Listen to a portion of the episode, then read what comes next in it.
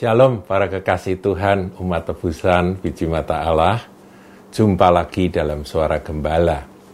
Saudaraku, kali ini kita akan melihat Amsal 16 ayatnya yang keempat. Satu ayat yang menarik untuk direnungkan. Dikatakan demikian, Tuhan membuat segala sesuatu untuk tujuannya masing-masing. Tuhan membuat segala sesuatu untuk tujuannya masing-masing. Jadi, kalau saudara melihat ciptaan Tuhan, apa saja itu ada tujuannya, saudara. Entah itu binatang besar kecil, entah itu batu-batu, entah itu pohon-pohon, semuanya ada tujuannya. Jadi Tuhan itu luar biasa ya saudara. Nah yang terpenting adalah kita harus memahami bahwa diri kita sebagai manusia yang diciptakan menurut gambar dan peta Allah, kita ini punya tujuan. Nah itu yang harus kita pahami kalimat berikutnya agak kurang sedap dikatakan bahkan orang fasik. Jadi orang itu kalau jahat nggak mau bertobat jahat terus itu orang fasik, saudaraku. Dikatakan bahkan orang fasik dibuatnya untuk hari malapetaka. Jadi itu nanti punya bagian. Nah, dari sini kita melihat bahwa Tuhan adalah perancang agung, perencana yang luar biasa Tuhan tidak bekerja acak-acakan, dia tidak asal-asalan, tapi Tuhan itu teliti dan dia perencana yang luar biasa. Segala sesuatu yang dia buat, dia ciptakan itu punya tujuan. Nah sekarang saya ingin ngajak saudara merenungkan diri kita sebagai manusia, makhluk Allah yang tertinggi.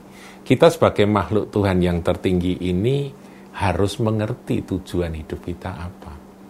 Yang pertama, saudaraku, kita harus tahu bahwa kita itu diciptakan untuk dikasihi oleh Tuhan.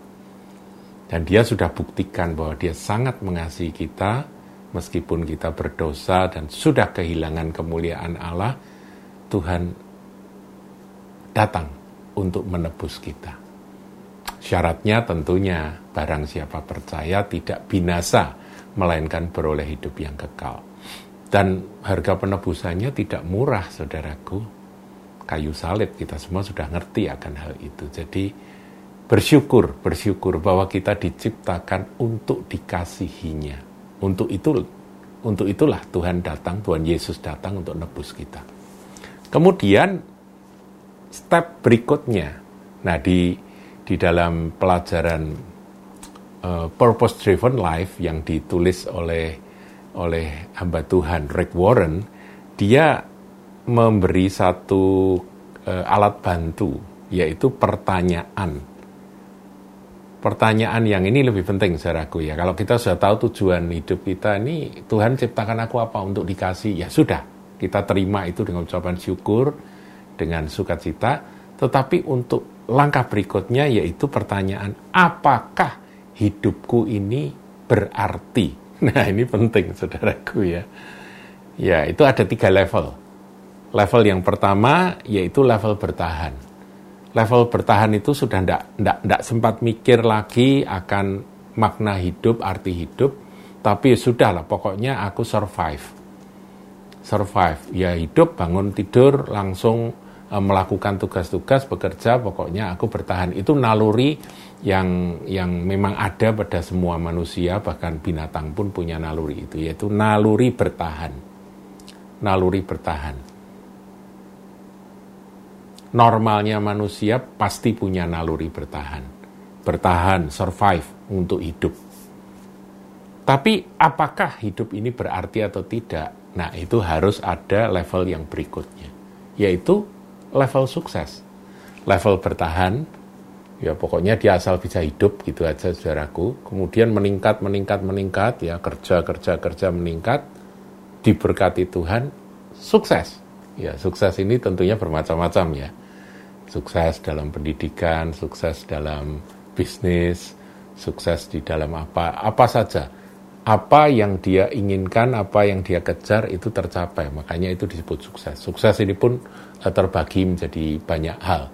Nah, setelah level sukses, saudaraku, mencapai apa yang dicita-citakan, maka kita harus masuk ke level berikutnya, yaitu level berarti. Hidup ini harus ada artinya. Nah, itu kalau kalau bahasa yang sering kita dengar di mimbar itu, kita ini harus sampai menjadi orang yang diberkati Tuhan. Kalau sudah diberkati, harus jadi berkat, kan begitu, saudaraku ya. Nah, level berarti itu ada tiga poin. Satu, memahami arti tujuan hidup. Nah, itu dapat kita lihat, saudaraku, di dalam Efesus ya. Dalam Efesus uh, 2, ayat yang ke-10 itu ayat yang sangat terkenal, saudaraku. Dan saya harap Anda hafal ya dengan ayat ini. Dikatakan Efesus 2 ayat yang ke-10, karena kita ini buatan Allah, jadi saudara dan saya dibuat oleh Allah untuk dikasihinya, ditebusnya, diciptakan dalam Kristus Yesus, yaitu ketika kita merespon akan keselamatan yang Tuhan Yesus sudah berikan, ya sediakan.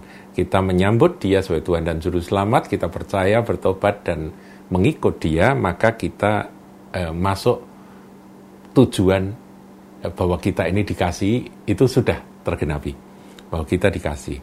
Kemudian poin yang ketiga dikatakan untuk melakukan pekerjaan baik. Jadi pekerjaan baik itu selalu tersedia di hadapan kita. Nah ini yang harus kita selesaikan saudaraku.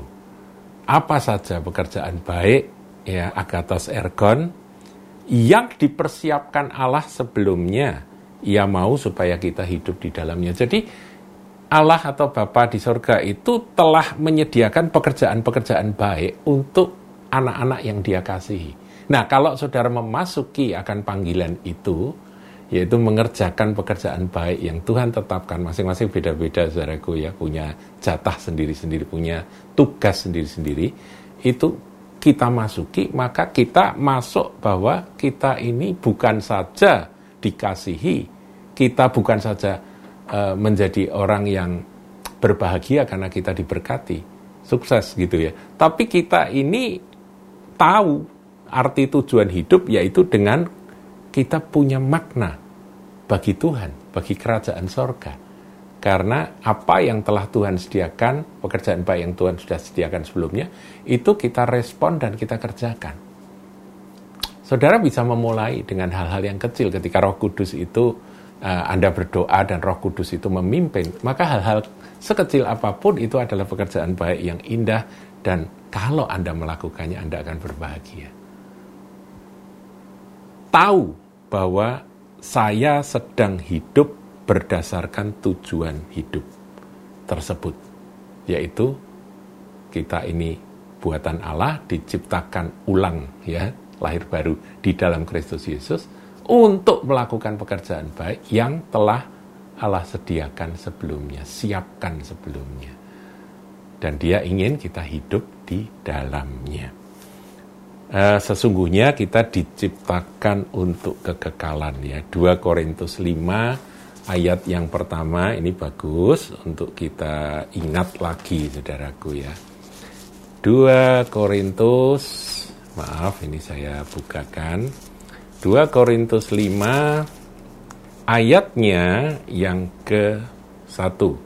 Karena kami tahu bahwa jika kemah tempat kediaman kita di bumi ini dibongkar, Allah telah menyediakan suatu tempat kediaman di sorga bagi kita. Suatu tempat kediaman yang kekal yang tidak dibuat oleh tangan manusia. Jadi ini sementara, saudara. Nah, di dalam kesementaraan mari kita menemukan tujuan hidup dan kita hidup di dalam tujuan yang telah Tuhan tetapkan bagi kita masing-masing.